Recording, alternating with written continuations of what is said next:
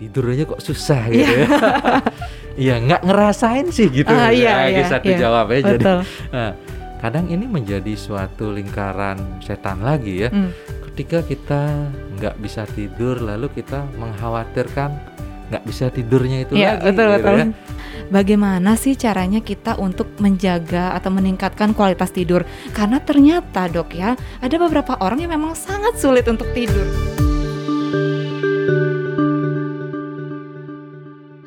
Halo teman baik semuanya, bersama saya Dwika, saya merupakan anggota dari komunitas teman baik. Berjumpa lagi pada episode di Dialog Jiwa. Kali ini kita kedatangan tamu spesial. Beliau adalah Dr. Yudi. Halo Dr. Yudi. Halo Dwika, halo teman baik di mana pun berada. Ya, saya perkenalkan dulu, Dr. Yudi merupakan seorang psikiater. Beliau juga merupakan salah satu founder dari komunitas teman baik. Nah, teman baik semuanya, pernah nggak sih teman baik semuanya mengalami kesulitan tidur? Mungkin kita biasa nih mendengar kata-kata insomnia.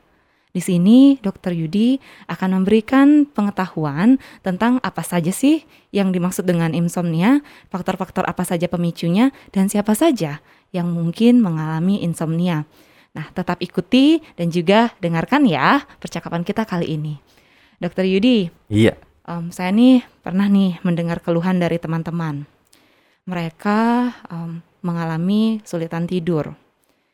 Sangat susah untuk memulai tidur dan juga ketika tidur terbangun-bangun gitu. iya. Lalu mereka udah mendiagnosa aja nih, aduh mengalami Insomnia. insomnia, Ah. gitu dok. Terus em, ada beberapa orang juga yang mengkonsumsi obat. Hmm. Ada juga beberapa orang yang tidak melakukan apa-apa. Jadi terbangun aja sampai pagi gitu. Nah mungkin di sini dokter Yudi bisa menjelaskan sedikit. Mungkin terkait insomnia atau gangguan tidur spesifiknya. Oke. Iya ya, jadi istilah insomnia ini kayaknya udah familiar sekali ya. Nah, insom gitu biasanya orang Iya. bilang ya, disingkat-singkat ya. Ya, jadi tidur ini memang adalah suatu kebutuhan ya bagi eh, setiap individu ya, setiap makhluk hidup. Hampir eh, sebagian besar waktu kita itu eh, dihabiskan dengan tidur, ya kan? Iya. Nah, kalau kita lihat malam kayaknya hampir berapa persen itu dari eh, sehari itu kita pakai untuk tidur. Mhm.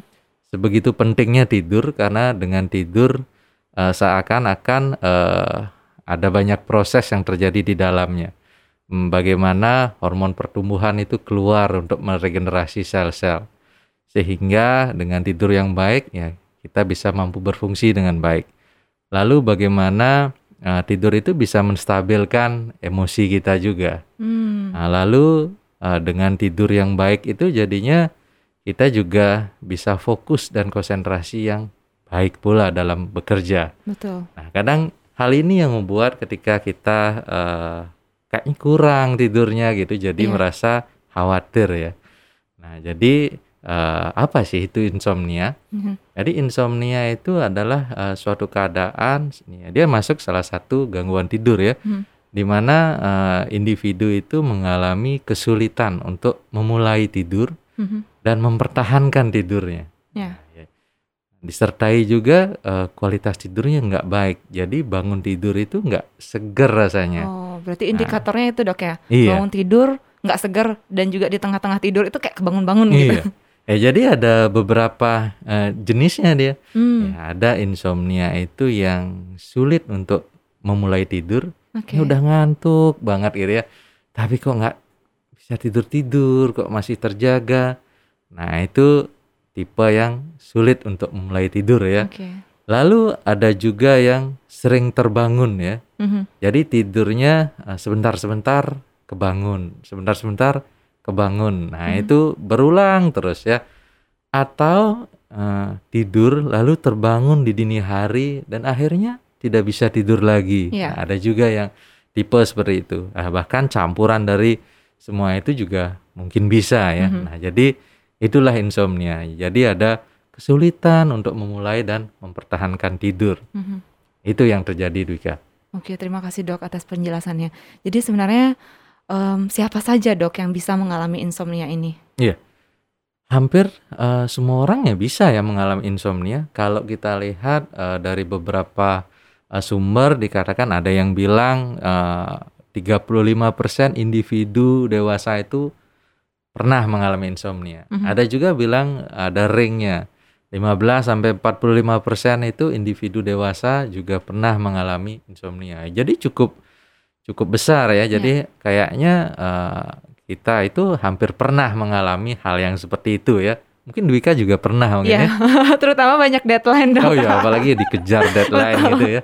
Nah, itu dia ya. Jadi ha, bisa aja ah, dari usia kecil sampai usia tua pun bisa mengalami masalah tersebut. Kita lihat kebutuhan tidur pun juga seperti itu. Mhm. Ketika bayi tentu kita tidur panjang ya. Ya. Kadang 20 jam itu tidur terus ya. Ya. Tapi makin lama makin lama tidurnya makin sedikit dan Betul. akhirnya remaja itu kadang-kadang eh, sekitar 9 jam. Nah, ketika sudah dewasa Mhm. rata-rata kebutuhan tidur itu adalah 8 jam per hari ya.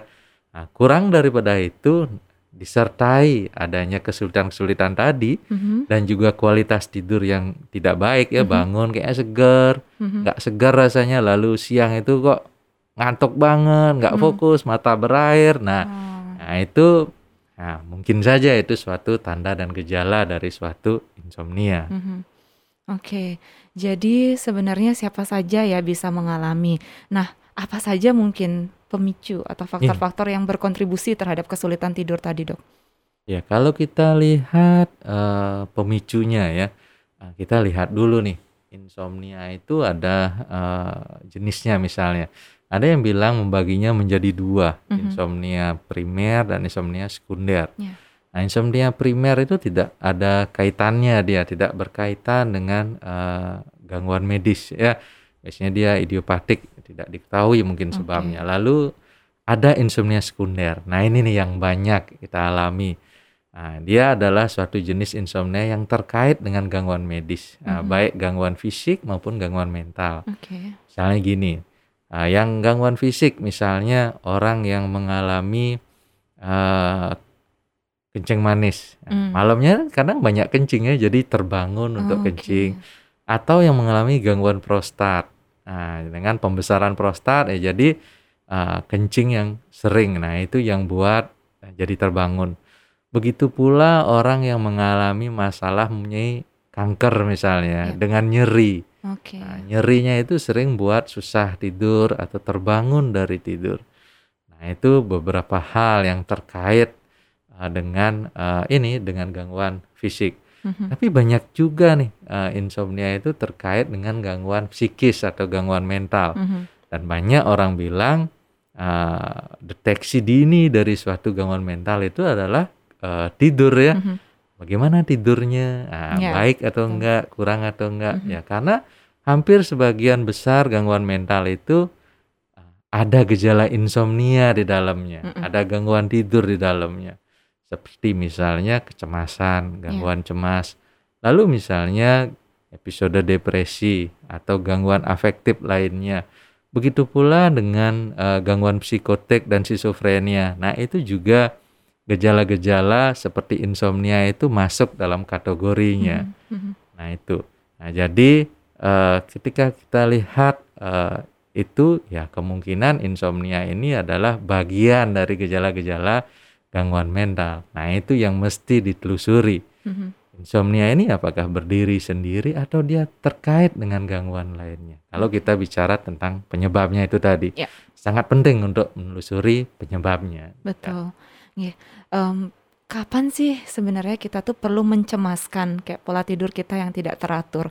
Karena jujur saja mungkin eh, ketika misalnya ada orang yang em, dia memahami gitu, aduh aku punya insom nih, gitu, aku punya insom, tapi seolah-olah dia tidak eh, atau menutup diri gitu, Eh, se- seolah-olah insomnia itu berdiri sendiri. Padahal Hmm. Mungkin saja insomnia ini adalah merupakan salah satu gejala kondisi psikologis yang dia alami.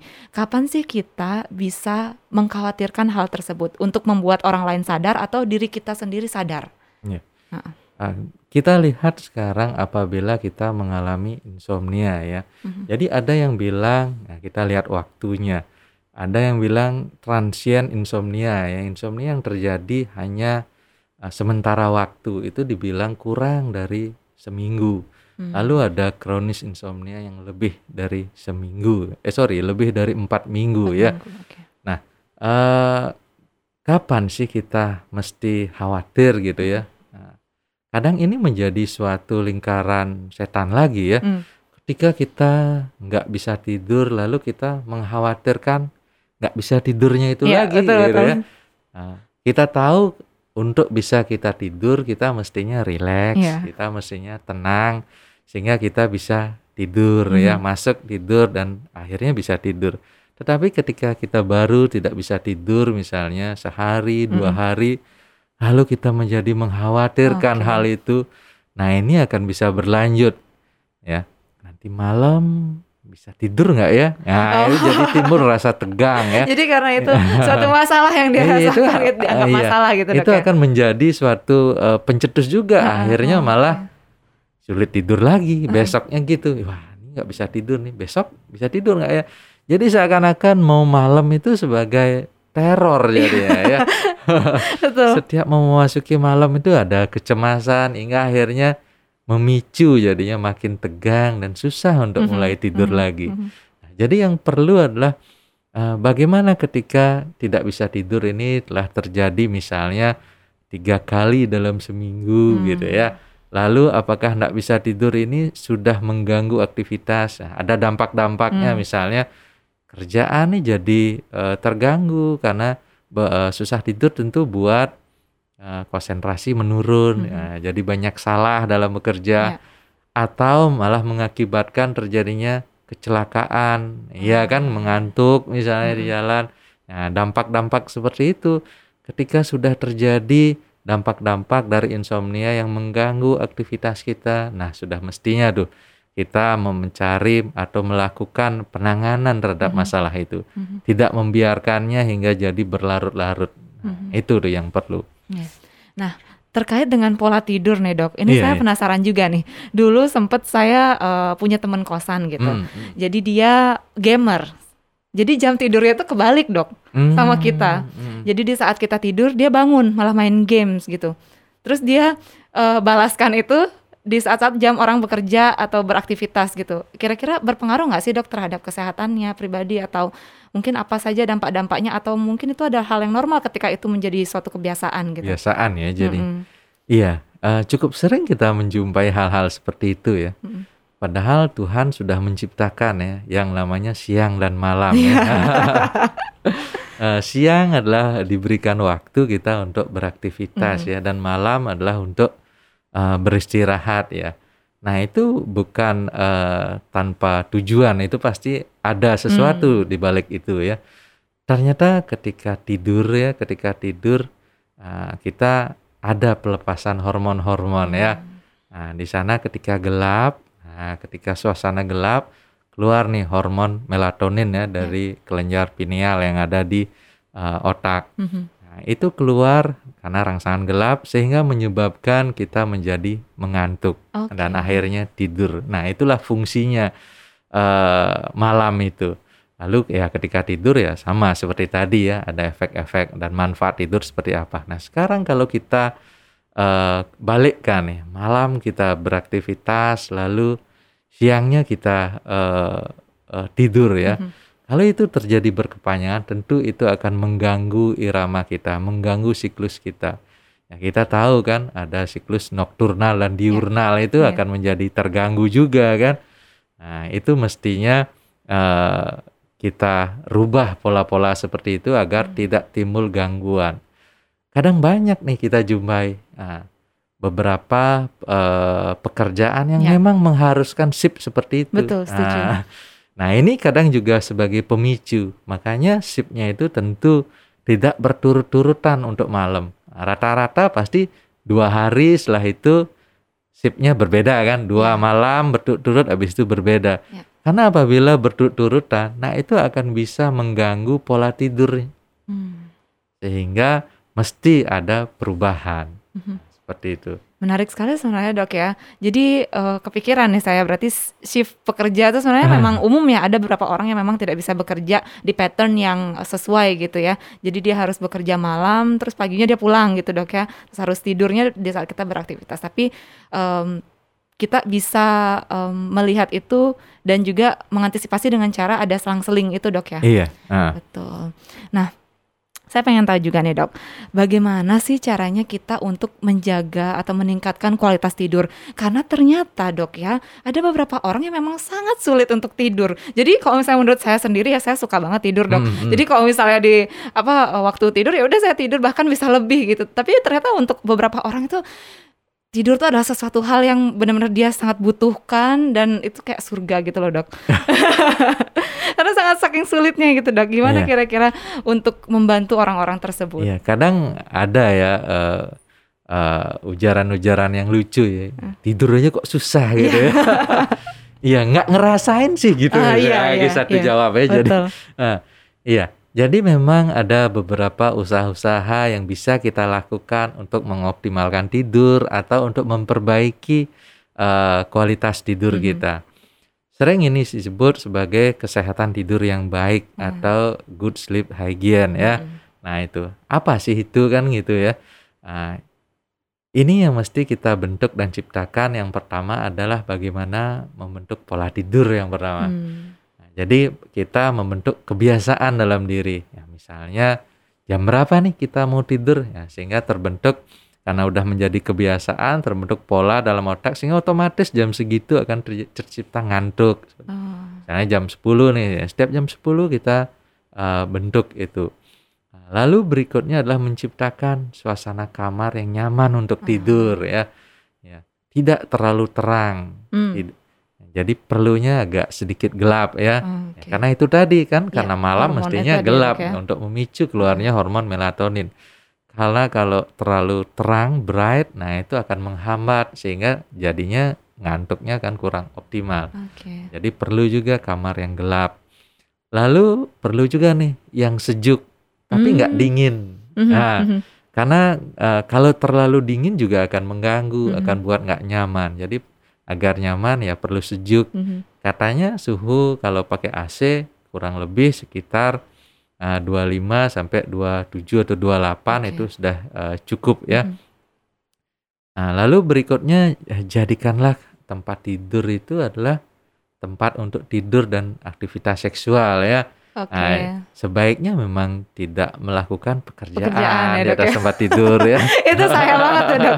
Jadi uh, apa pun gitu dilakukan iya. di kamar di kasur maksudnya bekerja pun ada laptop gitu. Ah. Oh jadi itu sebenarnya juga mengganggu nah, dok ya. itu sebenarnya okay. uh, eh, mesti di, dihindari, dihindari ya, ya kalau kita ingin membentuk suatu kesehatan tidur yang hmm. baik. Bahkan uh, apa namanya nonton TV di tempat hmm. tidur atau bermain games. Okay. Nah, itu juga mestinya baca buku. Nah, itu uh, dihindari ya karena ingin kita membentuk uh, pola otomatis ya tempat tidur ini adalah tempat untuk tidur. Nah, ah. seperti itu. Lalu berikutnya apabila kita uh, kadang ada salah kaprah nih, nah hmm, kita cerita itu. Kadang ada eh, cerita pasien saya misalnya datang susah tidur, dok yeah. saya susah tidur, padahal saya biasanya kalau lelah itu cepat tidur. Nah belakangan hmm. ini susah. Bahkan saya sudah olahraga, saya olahraga sampai jam 8 malam dari jam 5 sore agar benar-benar lelah, agar tujuannya biar ketika lelah lalu jatuh tidur. Hmm. Kok malah tidak bisa tidur ya? Nah, itu juga suatu hal yang tidak sesuai. Hmm. Karena ketika menjelang sore dan malam itu hmm. metabolisme tubuh kita semakin menurun. Betul. Tetapi apabila kita olahraga, nah hmm. itu akan metabolisme itu ditingkatkan dan diaktifkan kembali, oh. sehingga rasanya jadinya segar, oh, ya gitu, kan? Nah, ya. Malah segar jadinya. Uh. Makanya mesti dihindari tuh olahraga berat atau aktivitas berat 4 jam sebelum tidur. Oh. Nah, makanya itu mesti dihindari. Nah, jadi yang hal-hal yang salah kaprah itu mesti uh, coba deh untuk mulai ditinggalkan. Nah, yeah. seperti itu. Lalu berikutnya uh, ada nih hal eh, hal-hal yang mesti kita uh, cegah ketika kita tidur sering nggak lirik jam oh iya iya kan?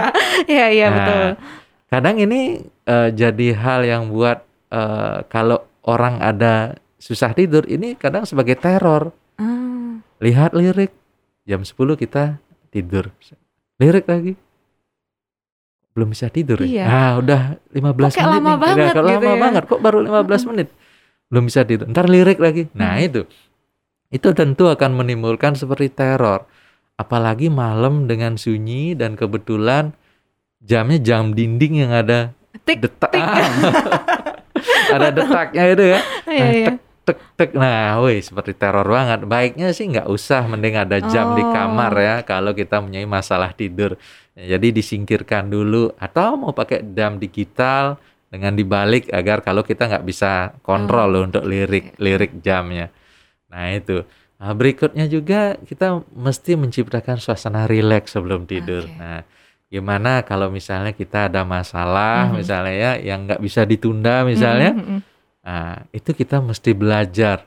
Kita catat dulu, kita eh, katakan pada diri bahwa memang hal ini tidak bisa diselesaikan malam ini. Oke. Nah, mestinya kita tulis lalu kita ikhlaskan untuk diselesaikan hari esoknya. Ya. Nah, seperti itu. Atau ketika itu tidak bisa, nah, kita mesti melakukan latihan relaksasi. Hmm. Latihan relaksasi ya bisa dengan yang sederhana ya dengan breathing exercise, latihan nafas, mengatur pola nafas. Mhm. Nah, itu juga bisa dilakukan.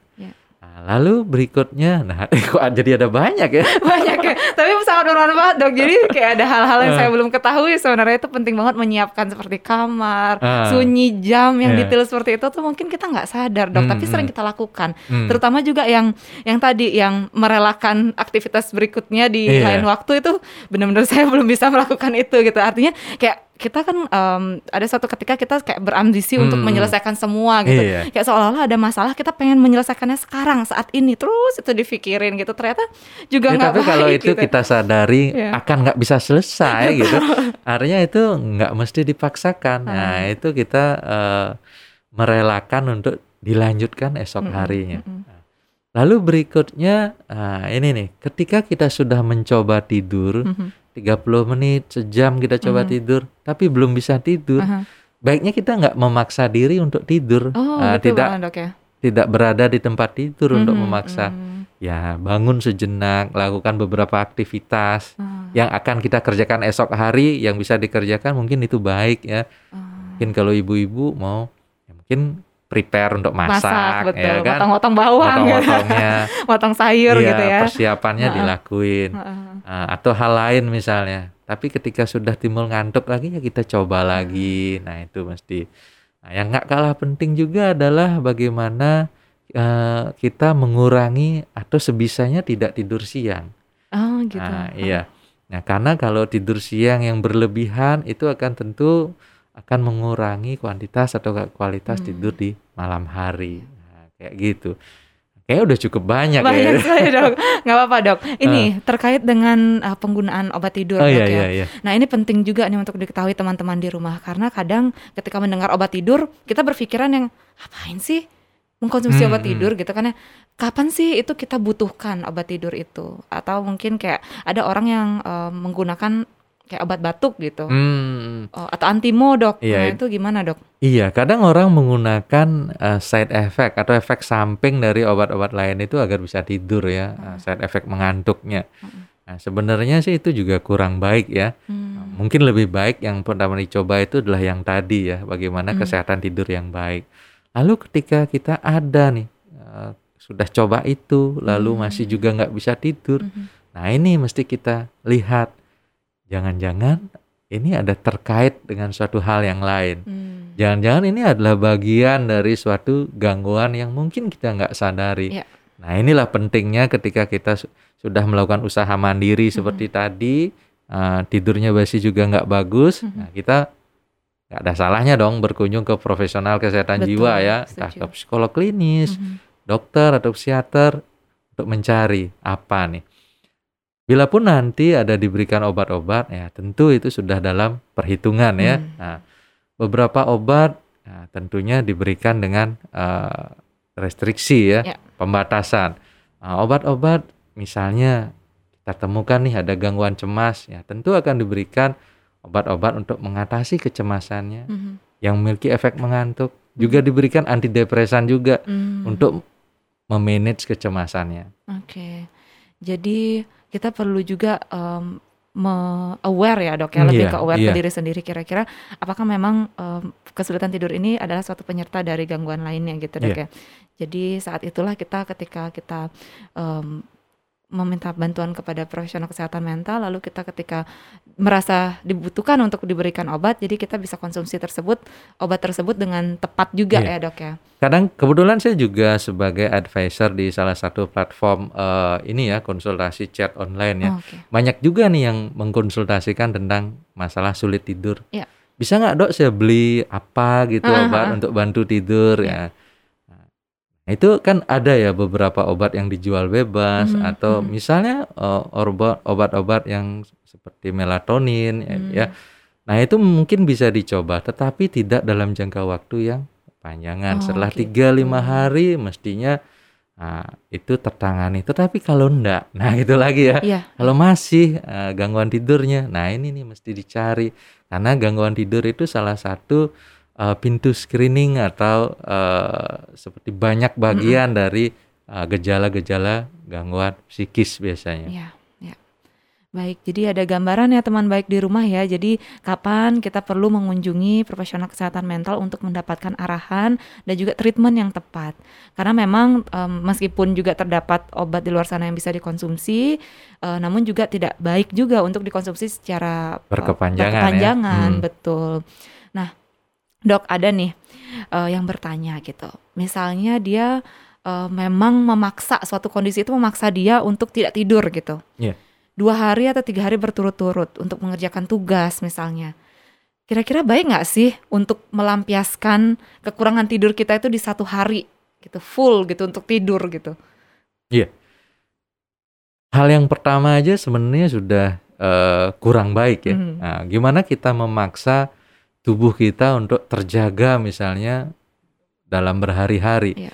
Ya, tubuh, eh, otak, eh, pikiran tentu ada batasannya. Nah, itu yang harus kita kenali juga. Mhm. Nah, kapan ada batasan itu? Ya, sebaiknya ya tentu mesti disir- eh, disertai istirahat. Mungkin tidak optimal, tetapi disempatkan istirahat dalam beberapa jam.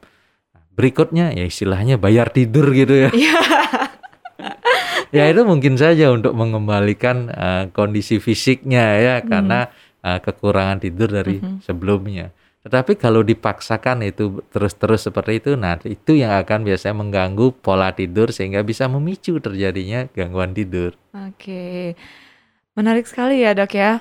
Berarti memang kita sebagai manusia gitu kita juga perlu membatasi diri gitu em, mengetahui porsi kita masing-masing. Kalau misalnya memang sudah waktunya tidur ya kita tidur gitu. Saat kita berkegiatan ya kita berkegiatan. Ya, karena ada prinsip ya, eh, tidurlah ketika kamu mengantuk ya.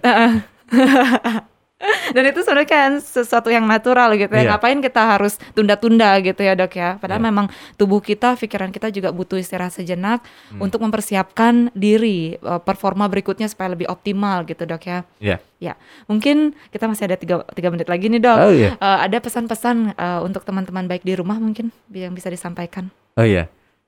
Tidur adalah salah satu kebutuhan ya. Nah, jadi eh, mestinya kita jaga tidak hanya kuantitas eh, tidur, tetapi yang perlu juga adalah kualitas tidur. Betul. Bagaimana ketika bangun rasanya jadi lebih segar, siang tidak sangat mengantuk. Nah, itu adalah tanda suatu kualitas tidur yang baik. Ya, terima kasih banyak Dokter Yudi, teman baik semua yang ada di rumah. Kita sudah em, banyak ya diberikan informasi mengenai insomnia dan juga eh, gejala-gejala insomnia.